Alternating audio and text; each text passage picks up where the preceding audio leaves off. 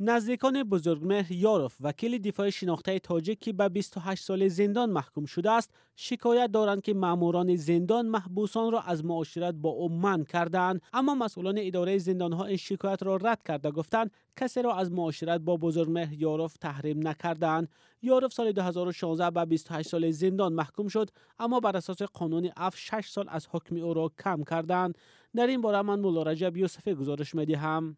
جمشید یاروف برادر بزرگمهر یاروف روز 31 اوگوست بر آزادی گفت به محبوسان هشدار دادند که با برادرش صحبت نکنند در عکس حال به جریمهگاه فرستاده می شوند. به گفته یاروف چنین وضع یک هفته است ادامه دارد و بزرگمهر سه روز پیش در این باره به نزدیکانش خبر داده است. بزرگمهر همین دقت می‌کند که کسی دیگر قد به او سلام نمی‌کرد علیک نمی‌گیرد سلامش رو یگون گپ نمی‌زنند وقتی خورد و خوراک همه جدا میشینند.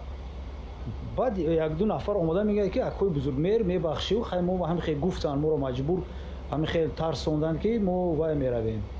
Штрафнои изолятор равон мекунам ҳам кормандони мақомот назорат мекунам ҳам дар байни мо бузҳои ҳамон мақомот ҳаст. Шестёркаҳо ҳаст ки ҳамин корро назорат дорам барои ҳамин мо мебахшӣ. Қати ту наметонем гап зада? Моро бубахш гуфтем ба худи бузургмеҳр бошад کارمندان مقامات هیچی گفتگی نیستن. رهبران سرایاست اجرای جزای جنایتی وزارت عدلیه شکایت نزدیکان بزرگمهر یاروف را رد کردند. الهام محمودوف معاون سردار اداره زندانهای تاجیکستان روز 31 اوگوست بر رادیو آزادی گفت خبری منع معاشرت محبوسان با یاروف به اساس است. محمودوف گفت یگان مثل گپون این گپای به اساسی بردارد بخون نخود آدم زنده برای ما فرق ندارد و کسی باشد و بزرگمهر یاروف و دیگه شخص اما جمشید یاروف برادر بزرگمهر گفت بجز از برادرش دیگر منبع ها هم تصدیق کردند که محبوسان را از گفتگو با من کردند. مستقلانه تصدیق کردن این گفته ها غیر ممکن است چون ورود به زندان های تاجیکستان اجازه داده نمی شود و تماس زندانیان با روزنامه‌نگاران من است. برادر یاروف افزود نمی‌داند که چرا محبوسان را از صحبت با برادرش من کردند ولی آنها تخمین می‌کنند که سبب این کار شاید پاسخ رد دادن بزرگمهر به چند درخواست مقامات باشد. بله چون این طلبا بود.